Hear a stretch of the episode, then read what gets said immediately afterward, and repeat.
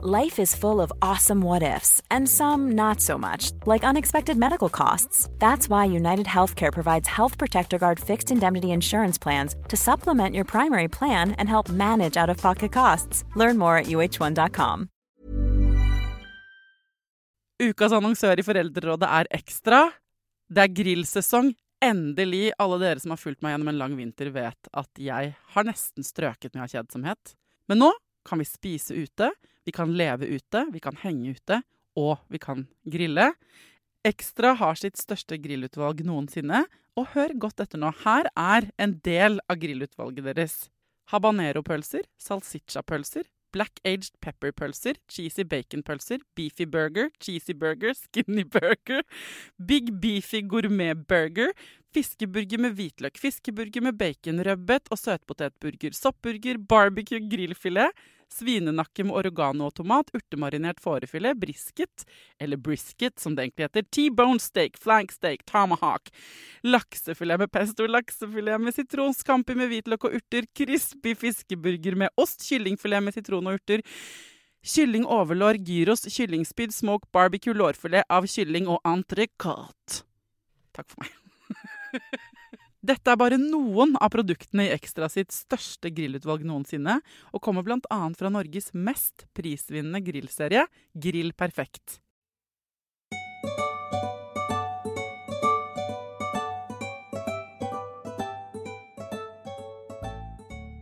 Hjertelig velkommen til en ny spesialepisode av Foreldrerådet på fredager, hvor jeg kan invitere hvem jeg vil, snakke om hva jeg vil, og for eh, noen uker siden så åpnet jeg jo på en måte et felt, et vepsebol kanskje, i Foreldrerådet om dette med eh, skjerm og barn. Eh, hvor mye skal de få være på de iPadene sine? Hvor lite? Jeg har snakket med eh, Siri, som er initiativtaker bak den svære og mye nå omtalte Facebook-gruppa Opprøret for mindre skjermbruk i barneskolen. Og så har vi snakket med ikke sant, eh, lærer, eh, ekspert, eh, som jeg har vært innom og fortalt hvordan de jobber med digitalisering. Og så, nå nylig, så har profilerte nordmenn kastet seg på i samfunnsdebatten. En av dem er nå med meg fra sitt hjemmekontor, nemlig forfatter Maja Lunde. Hjertelig velkommen til Foreldrerådet. Tusen takk. Altså, du er både forfatter, veldig kjent forfatter. Jeg har lest mange av bøkene dine. Det er kjempekult å, å møte deg på ordentlig. Og så er du medieviter og mor til tre. Sant? Det stemmer. Ja. Og nå eh, også samfunnsdebattant. Veldig aktiv nå i det siste. Ja, eh, du kan si at jeg har jo vært interessert i dette feltet barn og skjerm helt siden jeg i 1998 skrev mellomfagsoppgave i psykologi eh, med tittel 'Massemedier, påvirkning og aggresjon'. Oi, oi, oi! Ja, Så dette har jeg vært opptatt av ganske lenge. Eh, og så tok jeg jo medievitenskap, og der fikk jeg jo enda mer innsikt i, i feltet. Um, og gikk vel ut av medievitenskapen med den ganske sånn teknologinøytrale holdningen som du får gjennom det fagfeltet. Du er verken optimist eller pessimist, men du prøver å se på en måte hvert nye medium eh, Se både styrker og svakheter da, i, i det nye som kommer. Um, og så fikk jeg barn, uh, og har jo hele tiden uh, vært bevisst hvordan de har brukt ulik teknologi. Uh, min eldste er nå 18, så han har på en måte vokst inn i mye av dette. Altså teknologien har kommet gjennom hans levetid, på en måte, mens den yngste er 13, og han, for han har teknologien vært der hele tiden. Mm. Um, og det, det, er klart at jeg, når jeg da eh, Jeg har ment mye om dette lenge, jeg har fulgt feltet ganske tett. Men da jeg til slutt valgte å uttale meg offentlig om det, og skrive noe om dette i en kronikk i VG tidligere i år, eh, så presset det seg på en måte litt frem eh, gjennom denne læreren som gikk ut på Facebook og fortalte at han hadde elever i videregående som brukte telefonen 45 timer i uken. Og ja. det er jo et ganske gjengs tall for veldig mange mm. eh, ungdommer. Eh, og det var da jeg gikk ut og skrev at eh, alt med måte. Nå bruker barn og ungdom for mye skjerm. Eh, og dette er ikke noe vi kan løse individuelt. Vi foreldre samler litt i blinde. Dette er vi nødt til å løse kollektivt, sammen som samfunn. Så det var på en måte utgangspunktet mitt for å gå inn i denne store, eh, veldig mangefasetterte barn- og skjermdebatten. Ja, og det er det som er eh, Man får inntrykk av når man leser om denne debatten, så man inntrykk av at det er to eh, skyttergraver, eller sånn. Det er to fløyer, ikke sant. Det er for skjerm, eh, TikTok-positive foreldre som lar ungene sine være på skjerm hele tiden, og ikke har skjermtid og ikke tenker noe over det og tenker 'herregud, er det så farlig', og så lenge ungen min er fornøyd, så går det bra, og jeg stoler på at det er en naturlig del av utviklingen. Og så har du tilsynelatende de som er helt mot det. Eh, kanskje litt teknologiredde, til og med. Tenker bare på faresignaler. Eh, og så er jo sannheten, er min erfaring, eller jeg kjenner meg ikke igjen i noen av dem. Jeg føler meg liksom, liksom forvirra sånn eh, og, jeg klarer ikke helt å navigere. Og så mm. er det så betent, fordi man blir litt kategorisert når man begynner å uttale seg om det. Mm. Og så er det jo um, Og så blir, hvis man er litt skeptisk, så blir man kanskje tatt til inntekt for å være veldig skeptisk. Og hvis man ikke er skeptisk i det hele tatt, så blir man tatt til inntekt for å være naiv. Eh, så det er derfor vi har satt det på agendaen her, for jeg har lyst til å liksom løfte frem Men jeg tror ikke det egentlig er sånn. Det fins både uh, Det, det fins akkurat som alt annet veldig mange forskjellige typer foreldre, og veldig mange mm. forskjellige typer barn, og veldig mange forskjellige typer bruk av denne skjermen. Men Og mange forskjellige typer skjerm også. Ja! ja. Men hva, så hva er det du mener? Altså, nå er det jo den debatten som har vært nå, i det siste, om skjermbruk i barneskolen. Det jeg har gjort, er å vært og snakket med Arbeiderpartiets folk på Stortinget om lesing. For akkurat dette med lesing er jo som forfatter selvfølgelig spesielt engasjert i, da. Og for min del handlet det om innspill til ny leselyststrategi som, som regjeringen jobber med. Eh, og eh, jeg har også vært på Dagsrevyen og snakket om dette, og utgangspunktet mitt da er at jeg tror ikke vi kan snakke om leselyst uten å også se på skjermbruk. For hovedårsaken til at barn leser mindre, er selvfølgelig at de bruker veldig, veldig mye tid på eh, digitale flater. Eh, mm. Så det nytter ikke å bare drive symptomlindring da, og, eh, og, og, på en måte snakke om å vekke leselysten. Vi må faktisk kanskje også snakke om å regulere skjermbruk. Mm. Men hva mener du er bra bruk av skjerm? Bare for å liksom få høre hva, hvor er det du står, liksom. Hva tenker ja. du er bra bruk, og hva tenker du er ræva bruk? I skolen så ønsker jeg jo mer digital kompetanse, ikke mindre. Eh, men det som har skjedd, er jo at vi har sammenblandet innkjøp av dingser og bruk av en del teknologiske eh, eller digitale eh, applikasjoner med digital kompetanse. Å bruke en matteapp er jo ikke det samme som å bli god i digital kompetanse. Eh, eller å bruke en iPad, da. Eh, iPadene er jo laget for å være utrolig enkle å bruke, ikke sant. De er jo superintuitive.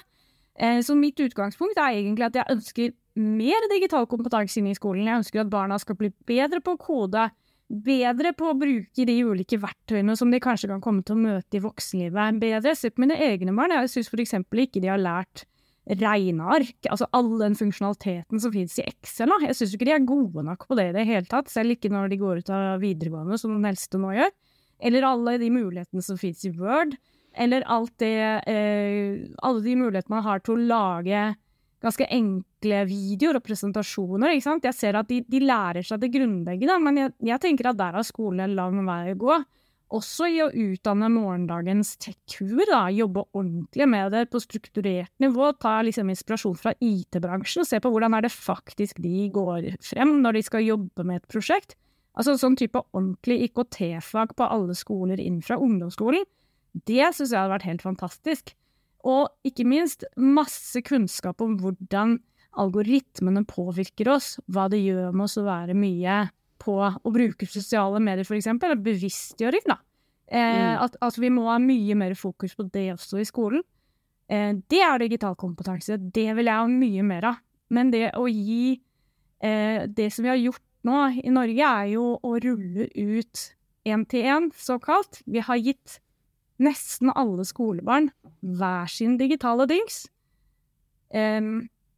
og tatt i bruk utrolig mye digitale læremidler uten at det egentlig har blitt vurdert om det er den beste formen for læring. Og en del lærere har ikke hatt nok kompetanse til å jobbe bra med det. Noen har det også, sikkert han du snakket med. Eh, Noen har vært kjempeflinke på det, noen skoler har vært veldig gode, men det har vært en del strukturelle, store ting som ikke har vært på plass da dette kjempestore digitale prosjektet ble satt i gang, da. Ting som vanligvis er på plass når man gjør denne type store prosjekter. Og det handler jo om barnas personvern. Det handler om at skolen skal være reklamefri. Gjennom opplæringsloven skal skolen være reklamefri. Eh, Personvernnemnda har annet vist i, i fjor hvordan veldig, veldig mye reklame da, sniker seg inn også i de applikasjonene som elevene bruker. Sånn at den opplæringsloven brytes da på det punktet. Eh, barnas personvern er helt så fritt vilt, sånn som det er lagt opp nå. Og så er eh, kanskje enda verre er jo at filteret ikke har vært på plass. Sånn at fremdeles så kan man se alt på iPader som femåringer får utdelt. Altså det er ikke ordentlige filter på plass. De kan se porno, de kan komme seg inn på hva det skal være. Det er veldig, veldig alvorlig. Og i 2018 så hadde vi et stortingsvedtak, enstemmig stortingsvedtak, om at barna skulle sikres med filter i skolen. Men det har ikke blitt gjort. For min del handler det om at en del sånne grunnleggende digitale strukturer ikke har vært der.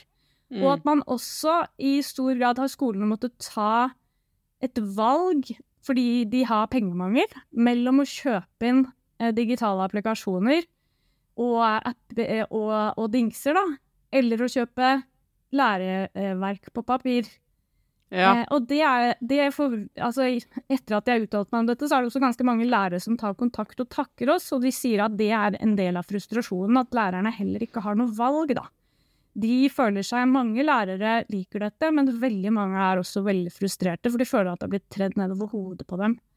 Eh, og ja. det er jo den samme opplevelsen som vi foreldre har, ikke sant. Vi har fått sendt hjem en digital dings som vi ikke har hatt noen mulighet til å regulere eh, hvor barna kan komme seg inn på hva det skal være, uten at vi kan se det.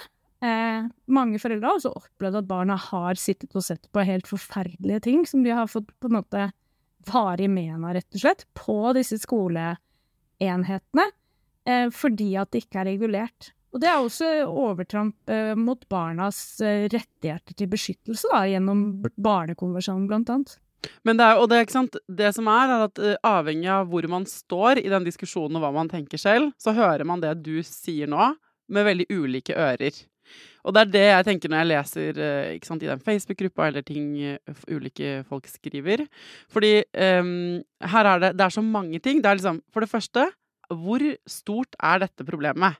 Jeg vet at altså, På den ene siden kan du si alle barn har en digital dings. Det er et kjempeproblem. Men er det faktisk sånn at de brukes for dårlig? Eller er det noen eksempler som blir blåst opp? Og så er det sånn, ja, det er selvfølgelig dritkjipt og ikke greit at barn ikke har filter på sine Det er alvorlig.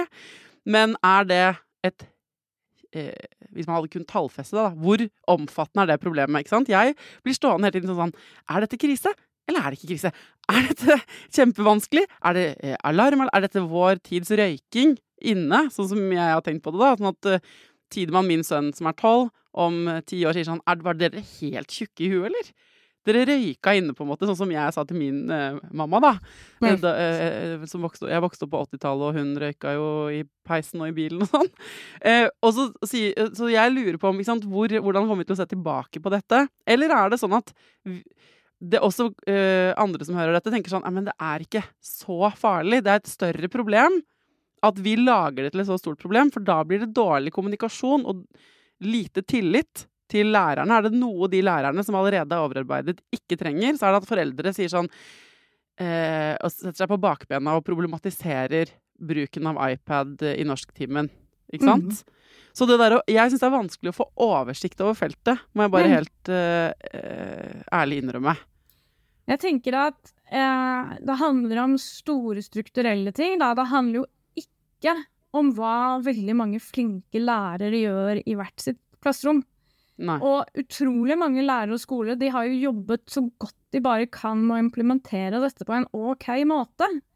Eh, og de gjør eh, Noen jobber bruker jo virkelig de mulighetene som finnes, og eh, gjør det på en god måte, eh, mens andre nok opplever veldig store frustrasjoner. Da. Og for meg handler det om egentlig om også å støtte lærerne, eh, den frustrasjonen veldig mange lærere har inni dette.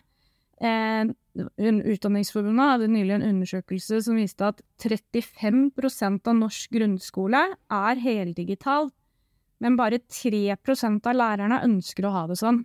Mm. Og det er ganske store tall.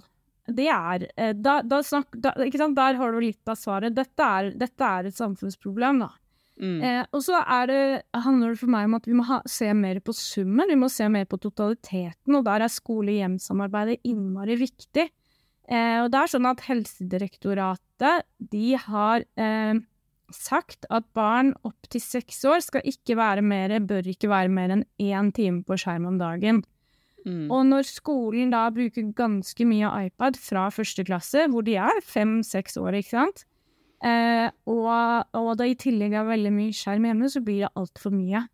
Ja. Eh, vi vet også eh, Vi vet jo også eh, ganske mye etter hvert om hva eh, skjermbruk gjør med konsentrasjonen vår. Jeg snakket akkurat med en, en overlege som jobber en del med dette, og hun, hun de, Altså, mengden av henvendelser til BUP som kommer inn, som handler om nettopp konsentrasjonsvansker, det bare fyker i været. Mm. Men er det pga. bruken på skolen, eller er det pga. Bruken der, der er da? jeg er også opptatt av, av totaliteten, da. At vi må se på Mm. dette i sammenheng. Eh, og da går det jo ikke an å si at, at ikke vi må se på skolen også. Mm. Um, og så tenker jeg også at har de Altså vurderingen av hvorfor skal digital kompetanse stå eh, Være en del av eh, alle fag? Blir barna mer digitalt kompetente av det? Eller er det kanskje lurere å innføre det ordentlig som eget fag og fase det inn? Altså, det er sånne type store spørsmål som jeg opplever ikke er stilt. Da. Og dette er både når man ser på alle de som skriver om dette, alle de foreldrene som engasjerer seg, men også egne erfaringer. Eh, den beskjeden vi har fått er at på mine skoler, er at nå kjøper vi inn disse dingsene, Um, fordi det har vi fått beskjed om at vi må gjøre fra kommunen. Eh, Mm. og, og alle spørsmål som har blitt stilt av foreldre, har på en måte bare blitt Neimen, sånn avfeid med svaret 'men sånn er det bare'. Og når vi stiller spørsmål ved f.eks. dette med hjemsending, da, som har ganske store konsekvenser for oss foreldre, fordi at vi da får noe, hjem noe som vi ikke kan regulere, og ikke har innflytelse over, inn i våre hjem, eh, så er det også noe som man bare får svar med at sånn er det bare fordi kommunen har bestemt det.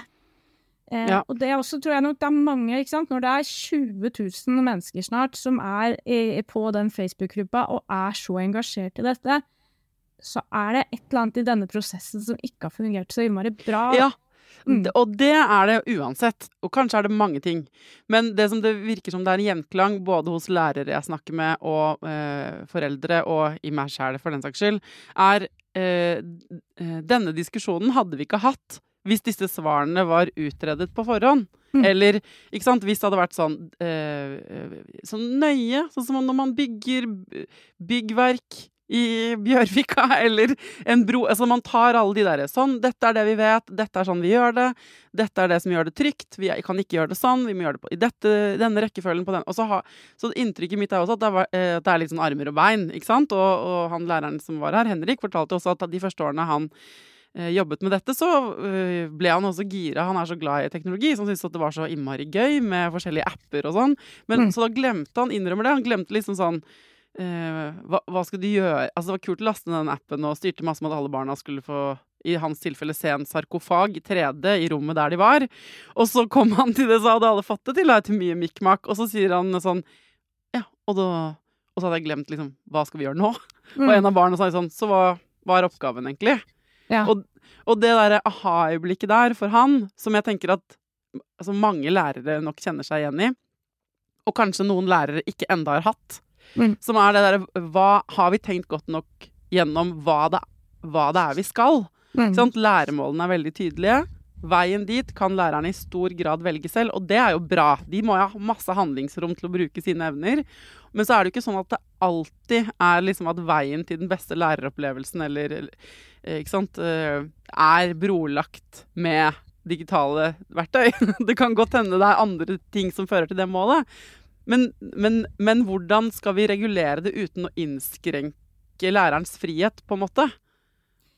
Eh, noen av de tingene som må på plass med personvern og filter, vil nok til en viss grad innskrenke noe av lærerens frihet. Eh, og det handler jo om at man f.eks. ikke kan bruke YouTube nødvendigvis på samme måte, helt fritt, da, ikke sant? Mm. Men det, personvernet til barna våre er jo ekstremt viktig. Så det tenker jeg må stå øverst, da. Barnas mm. rettigheter må være i fokus, og det har de kanskje ikke vært. Og som du sier også, opplevelsen av dette fra sidelinjen er at det har vært armer og bein, og at det nettopp ikke har vært um, hva skal vi si, det har ikke vært eh, gode arbeidstegninger på plass, da. Nei. Før man gikk til innkjøp av masse, masse verktøy. Nei, men så, med YouTube for som eksempel, da, så tenker jeg jo også at jeg kan komme på flere eksempler hvor det å bruke YouTube og det barna våre snakker om og lever i, eh, i utenforskolen, og som nevnes, ikke sant, at det at eh, skolen ikke skal forholde seg til det, og bare finne klipp fra NRK Super eller et eller annet som er en måte godkjent, det blir jo også sånn at da lever de i en liksom annen verden. Ja, men der handler det jo kanskje også om eh, nettopp denne totaliteten, at vi foreldre også må bli bedre på å regulere. Eh, og det er ikke sånn at våre barn har godt av å være uregulert på internett fra de er fem-seks år gamle. Nei, men uh, fins det ikke en middelvei her? Ikke sant? Hvor, og jo, hvor er den? Jo, det er vel kanskje den vi ikke har forsøkt å finne, da. Uh, fordi at nå, det vi har gjort, både på skolen og hjemme, det er jo å gi barna våre massiv tilgang på skjerm. Eh, mm. og, og, uten å se på totaliteten og uten å se på sammenhengen. Og jeg mener jo en av de aller viktigste eh, sakene som jeg ofte snakker om, er jo foreldreveiledning. Altså, vi trenger å få Kanskje er det Helsedirektoratet, da, som må på banen og gi mye, mye bedre foreldreveiledning. Eh, vi foreldre må få hjelp til å sette grenser, fordi barna våre, det vet jeg er det ganske så stor enighet om da, blant fagfolk nå, norske barn er mest på internett i Europa, og er, norske barn er rett og slett for mye på skjerm. Og ja, okay. det, har, det, det, er det veldig stor enighet om. Og vi, det, de konsekvensene det har, det ser vi jo nå i form av at lesetallene stuper. Sant? Lesekompetansen går kraftig ned. Leselysten Norske barn er på bånn når det gjelder leselyst. Bare 13% av tiåringer i en ny eh, undersøkelse nå sier at de liker å lese. Det er jo mm. kjempetrist. Uh, og, og, alvorlig. Hva slags samfunn får vi hvis vi ikke kan lese ordentlig lenger? Hvis ikke vi har studenter som har kompetanse på Sånn Som takler det å sitte og lese lange tekster, da. Mm. Uh, det er jo et demokratisk problem, ikke sant? Og, og, noe av målet her må jo være at de faktisk leser for egen maskin, men for å finne veien til bøkene Veien til bøkene går faktisk veldig ofte gjennom kjedsomhet.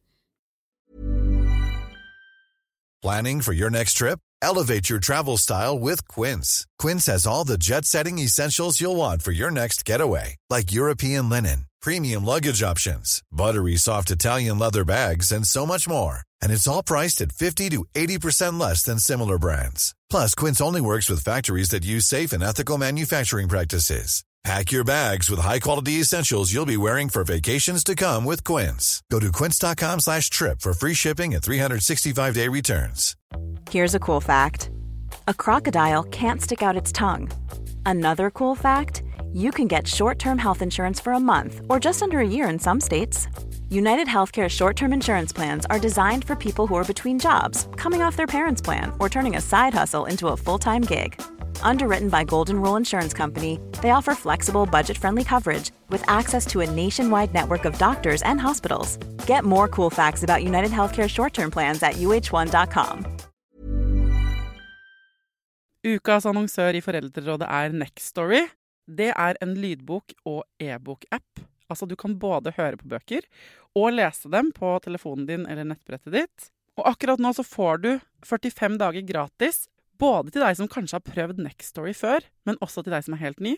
Jeg digger at også de som har prøvd det før, får lov til å prøve igjen. For å få 45 dager gratis, gå inn på nextstory.no foreldrer. Nextory har tusenvis på tusenvis av bøker du kan lytte til eller lese. Og i dag har jeg tenkt å anbefale eh, noen bøker som eh, faller innenfor det som kanskje kalles selvhjelpsbøker. Men den kategorien har jo litt ufortjent dårlig rykte, spør du meg. Den første boka jeg vil anbefale, er boka som heter 'Psykolog med sovepose'. Johanne Refseth, som har skrevet den boka, var jo gjest her for noen uker siden. Den er absolutt verdt å lese eller lytte til. Andre anbefalingen jeg vil gi deg, er Sissel Grans bok 'Men størst av alt er begjæret', som handler om det å begjære noen andre enn den du er sammen med. Og jeg har også laget en episode med Sissel Gran om det temaet for et par år siden. Den boka er fantastisk. Hvis du har lyst til å prøve ut Nextory for første gang, eller eh, har prøvd ut før, men vil prøve det ut igjen helt gratis i 45 dager, gå inn på nextstory.no skråstrek foreldrer. Å, det er bra sitat. Sitat ja. Eh, en forfatter, liksom. Hvorfor er det man begynner å rote rundt i foreldrenes bokhyller og plutselig trekker ut liksom med Hemingway, da, når man mhm. er Eller, eller Mytting, for den saks skyld, for å ta en moderne forfatter det er jo ofte fordi man kjeder seg, men vi og det, Der tror jeg nok kanskje både foreldre og skolen har vært litt sånn skyldige. Vi er så livredde for at barna skal kjede seg. Og det blir litt sånn ond sirkel, ikke sant? Fordi at det, det applikasjoner på, eh, på, digitale dingser ofte tilbyr, er jo veldig sånn kjapp eh, stimuli. Dopaminrush i hjernen. Du får liksom en pling eller en yes eller noe sånt noe mm. eh, som gir deg en bitte lite dopaminrush i hodet. Eh, og det gjør at du ikke opplever at du kjeder deg. Eh, Gaute Brochmann har for øvrig skrevet en veldig god bok om digitalisering av skolen som heter De digitale prøvekaninene. og Der skriver han også en del om hvilken forskning som har ligget til grunn da, ved innføringen av én-til-én eh, i skolen. Og det han eh, blant annet har funnet ut der, er jo at det meste av denne forskningen som har vært gjort, har handlet om hva barna selv syns, og barna responderer. De sier at de syns det er morsomt. Ikke sant? De syns nettbrettet er gøy. Og det er, og det er bra. Det er fint. Men gøy er jo ikke det samme som bedre læring.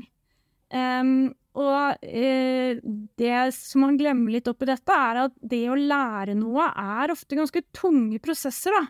Og er, det å lære seg de tunge prosessene er også en del av utdanningen. Eh, mm. Fordi at du kan ikke komme på universitetet og ikke klare å stå i de tunge prosessene som læring er. Du er nødt til å klare å lese en tjukk bok fra A til Å, liksom. Det er jo eh, noen lærere som har vært ute og sagt sånn Men eh, mange av de foreldrene som er kritiske og eh, redde for hvordan vi bruker skjerm. Ha, kom og se i klasserommet. Det er ikke så ille som dere skal ha det til. De sitter ikke apatisk på YouTube hele dagen. Ikke sant? At det er på en måte litt sånn skremselspropaganda. De blir litt sånn lei seg, da, ikke sant? Uh, og, sinna sikkert over at uh, alle blir dømt i samme kategori, eller at de ikke sant? Her har de laget et superbra læringsopplegg hvor en bitte liten del er å researche noe på iPaden for å finne noen ting. Og så er veldig mange av de andre elementene andre, altså ikke-digitale, analog verktøy. Um, hva tenker du når du hører det? Ja, nei, det er litt som jeg sa i sted, at en, eh, en god del lærere og skoler har jobbet bra med dette. Um, veldig mange lærere er også superfrustrerte. Mm. Og har opplevd å få tredd over hodet. Har opplevd at de, det gir dem mindre valgfrihet, da. Um, og det er uh, Den frustrasjonen må vi også ta med. da. Lærerstanden er jo også delt i dette. ikke sant? Og når da bare 3% egentlig vil ha det sånn, altså være helt digitale, av lærerne, mm. så tenker jeg jo det sier sitt. Det er noen andre saker inn i dette som jeg tenker også er veldig relevante. Sant? Det var det jeg snakket om med totaliteten. Hvor mye skjerm blir det egentlig på barna våre? Nå er vi ganske enige om at det blir for mye. Vi vet veldig mye om hva en barndom trenger da, for å være god, og det er det jo eh, utviklingspsykologer som kan si mye om. Det er hjerneforskere, det er biologer. Det vi vet, er at barn trenger eh, variert liv. De trenger å være ute og bevege seg masse. De trenger lek. Og iPad er ikke det samme som lek, hvis man ser på hva definisjonen av lek er for noe, da. Eh, det å sitte på og spille på en iPad, det dekker bare en liten del av alt det lek egentlig er.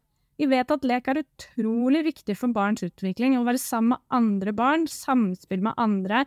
Det å se andres øyne, det å se andres fjes, ansiktsuttrykk og være i relasjon, da.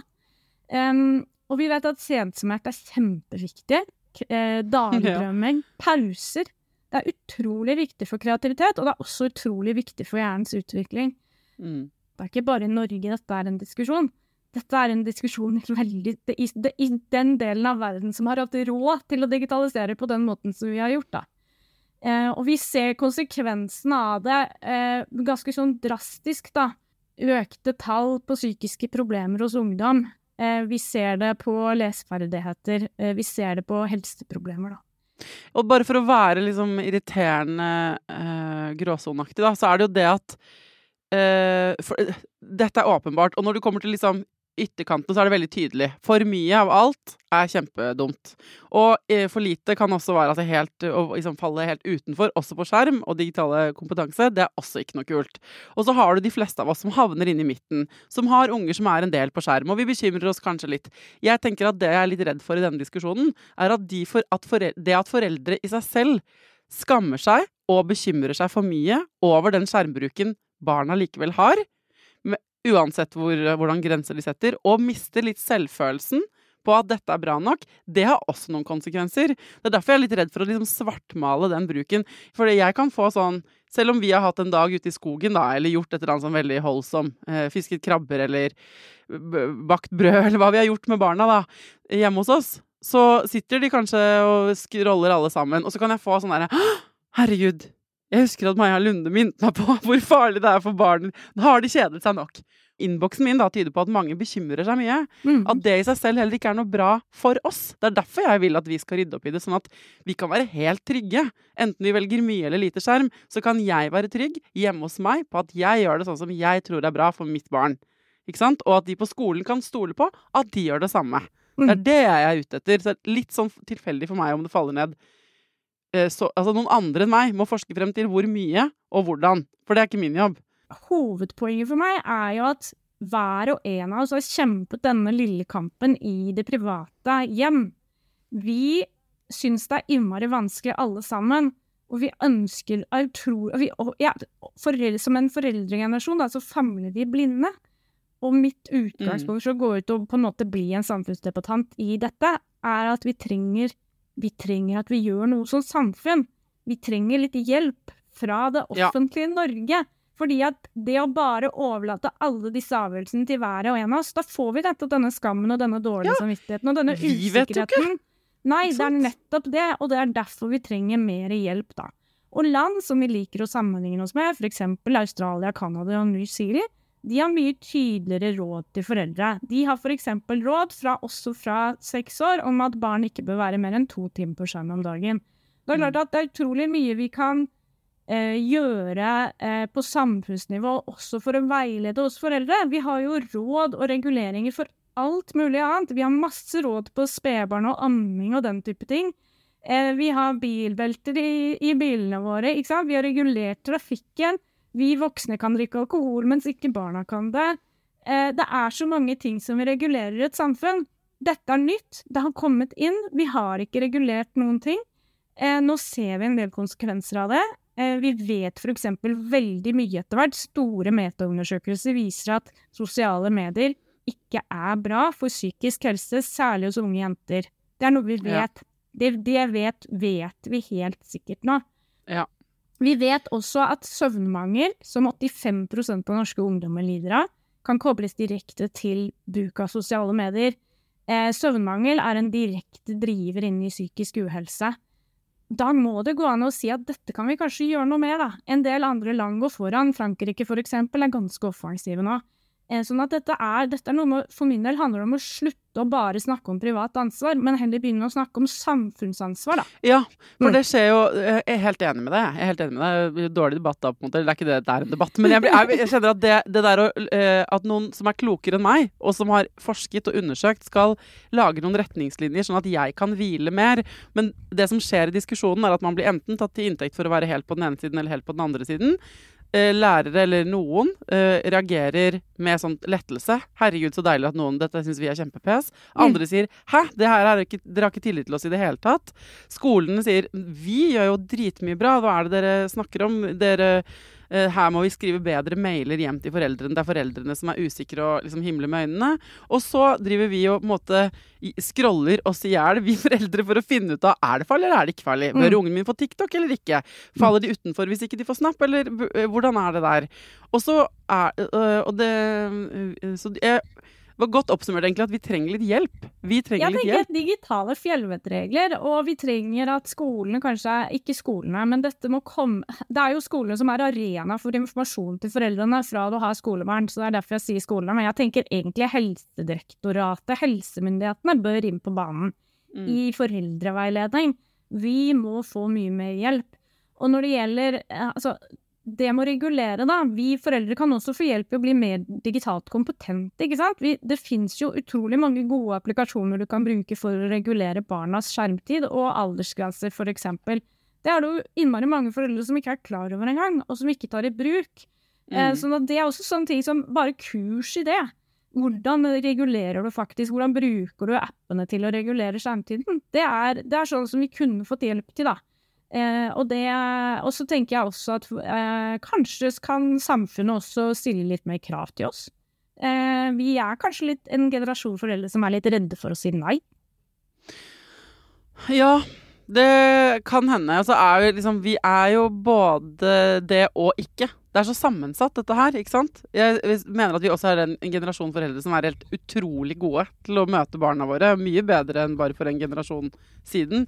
Og mm. noen ganger innebærer det at vi blir, er litt dårlige til å sette grenser, og andre ganger så eh, Går vi, vi, går vi, for all in og mister oss sjæl fullstendig, på en måte?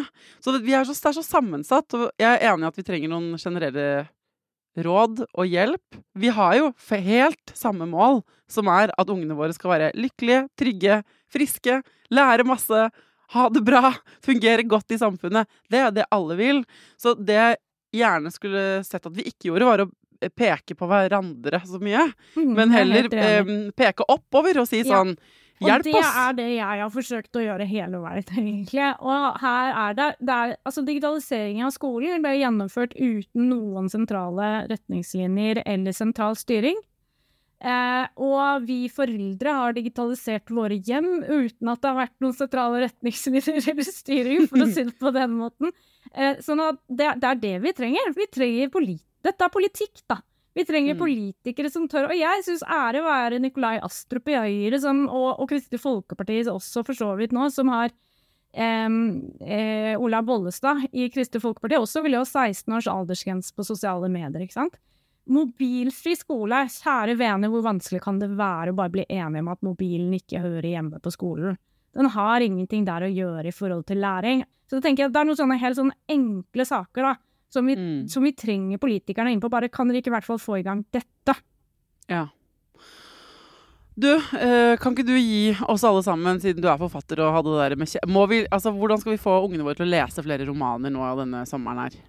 Eller skjønnlitteratur generelt, da? Jeg tror nok eh, Altså, der tror jeg nok vi er nødt til å, å tørre å si nei til Shine, da. Fordi kjedsomhet er veien til bokhylla. og så er det én eh, eh, ting som også eh, er utrolig viktig, og det er jo at det ikke er med digitale dingser inn på soverommet. Ta senga og boka hører sammen, ikke senga og telefonen. Så det er en sånn enkel ting jeg tenker Hvis vi får til det, da, i hvert fall, så kan vi også vekke masse leseglede. Ja, Så legge mm. mobilen utenfor, ha en eh, vanlig vekkerklokke, en annen type vekkerklokke enn alarm på mobilen, da. Det er ikke sant? Derfor ja, den ligger der ikke, inne. Du trenger ikke engang å legge mobilen utenfor. Du kan bruke apper da, for å stenge den ned på et gitt tidspunkt hver kveld. Så la mm. ungen din kjede seg så mye at den går og finner litteratur i bokhylla. ja. Uh, og uh, ta, uh, legg boka på nattbordet istedenfor mobilen. Ja. Det er uh, Maja Lundes to tips for å øke lesegleden. Ja, jeg tror vi glemmer Jeg ser det med egne barn òg. Altså, noen ganger så er de sure på meg fordi jeg lar dem kjede seg. Og så ser jeg etter at det har gått en stund, da, så skjer det plutselig et eller annet gøy når de kjeder seg. Sant? Ja, jeg det vet det. Vi gl- undervurderer jo barns fantastiske lekekompetanse og lekeevner, da. Bra peptalk der på tampen. Eh, hjemme hos oss så var det sånn at eh, eh, en ettermiddag her nå nylig, når det var så innmari fint og varmt i været, så var det businessideer eh, hos noen av barna. Min unge kom og sa 'Har vi is?' Så sa jeg ja, vi har fire saftis. Greit. Eh, jeg skal selge, vi skal selge dem gattelaks. Det tror jeg ikke er lov. Eller sånn, Da må man vel søke lisens, liksom. Men jeg så dollartegn i øynene hans, på en måte. Ja, ja, ja. Så jeg bare OK, hvis dere lager skilt og kjører full pakke, liksom, full Mm. sånn 80-tallspakke, så er det greit. Og de orga, herregud. Og det var hjemmelagde skilt og blad-i-blad. Solgte de isene for underpris, fem kroner stykket. Forsvant ut. Og gjennom de De var borte i to timer for å selge de fire isene. Kom tilbake med 20 kroner i de hadde solgt alle fire. Og blitt kjent med så mange rare folk i nabolaget. eh, Med dette eh, dumme, rare A2-arket med, med is til salgs på, så, og en skulderveske, og det var noen sånn fryseelementer oppi der. Og det var rett og slett en glede, og det var et resultat av, direkte resultat av kjedsomhet på Mm. kammerset. Mm. Så man, det man må ha som forelder, er jo litt ekstra eh, tålmodighet, kanskje. Ikke sant? For at eh, når de kjeder seg, så kan de jo av og til finne på kule ting. Ja. Men det er også mye sånn herre Du må gjennom den fasen med sånn Åh, Kan jeg ikke bare få Men jeg vil bare sjekke noe på Finn. Nei, jeg bare Men ikke sant? Mm. De har en slags sånn eh, Noen timer der, kanskje, av og til. Med liksom De er ikke vant til den overgangen. De vil også bare finne på noe. Og det ser man jo på seg selv òg. Jeg er jo også, sliter jo med min egen digitale avhengighet, jeg også, ikke sant. Mm. Eh, sånn at jeg også må jo ta meg på tak og legge bort eh, telefonen helt fysisk vekk for å lese bøker. Og det tenker jeg barna våre har også veldig godt av å se oss lese bøker. Og se oss gjøre andre ting. Ja. Jeg er jo også utrolig glad i veldig mye eh, teknologi. Altså, jeg er jo medieviter. Jeg har studert film, jeg skriver manus, jeg elsker film, jeg elsker levende bilder. Eh, jeg anerkjenner fullt ut at dataspill er en fantastisk både underholdningsform og kunstform, og jeg ser at vi har utrolig mye nytte av ulike digitale hjelpemidler eh, i- samfunnet. Eh, men vi har jo kommet til et sted eh, i samtiden nå hvor vi er nødt til å tenke litt annerledes rundt dette, hvor det har tatt overhånd, både for voksne og barn, og det er vel egentlig mitt ståsted. Dette er nytt, det har vært nytt, det har rullet massivt innover oss, og nå er vi kommet til et sted i historien, og det ser vi både i Norge og andre land, hvor vi er nødt til å begynne å regulere på en annen måte enn det vi har gjort, da, fordi det rett og slett tar for mye plass, og det har for store konsekvenser. Så du har egentlig lyst til å elske eh, alt det bra i teknologien. Du heier på det, egentlig, men du har bare lyst til å luke vekk alt det unødvendige som ødelegger hjernene våre. Jeg tenker at em, det, det tristeste argumentet jeg hører, det er det digitale har kommet for å bli. For i det argumentet så ligger det en sånn derre uh, determinisme, da, som det heter på fint. Altså, som om dette ikke er noe vi bestemmer over. Som om dette bare skjer av seg selv. Vi er et demokrati. Vi, Norge er en eh, selvstendig stat. Vi er ikke underlagt noe tech-huer i Silicon Valley. Det er vi som bestemmer hvordan vi vil leve med teknologien. Hvis ikke dette fungerer optimalt, så må vi gå inn og endre det. Ja. Takk for at du kom til Foreldrerådet og satte ord på det jeg tror innmari mange av oss føler. At vi liker teknologi og vil at ungene våre skal lære de gode tingene, men ikke de dårlige, og at vi er litt forvirra og trenger hjelp. Rett og slett trenger litt hjelp. Hva kan vi gjøre, tenker du, de som hører på nå? Tusenvis av norske foreldre som er på den ene eller den andre siden eller midt imellom i denne diskusjonen. Hva kan vi gjøre for å få den hjelpen? Nei, vi eh, foreldre må jo dytte på våre lokalpolitikere. Eh, få dette til å bli politisk, da, tenker jeg. Og så må vi ikke være så redde for å sette grenser for ungene våre, og ta dette opp på foreldremøter, og snakke om det på skolene, og kanskje også prøve å gå sammen med andre foreldre med FAU. Se på om man kan få til noe felles, da. Og så må vi ikke bli sinte på ungene for at de eh, liksom forsvinner inn i kaninhullet, for det er ikke deres skyld. Tusen takk for at du kom til Foreldrerådet, Maja.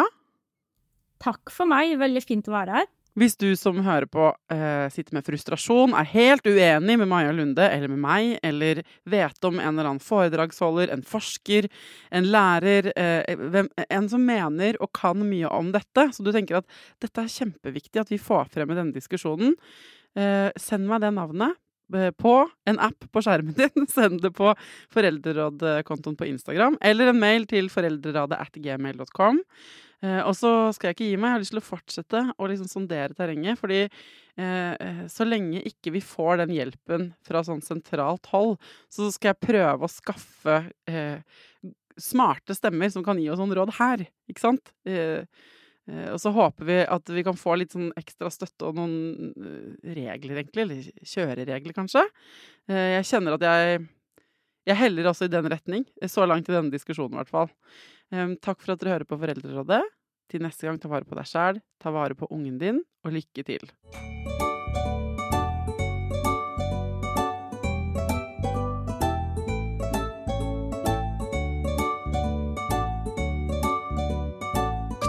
Produsert av Klinge.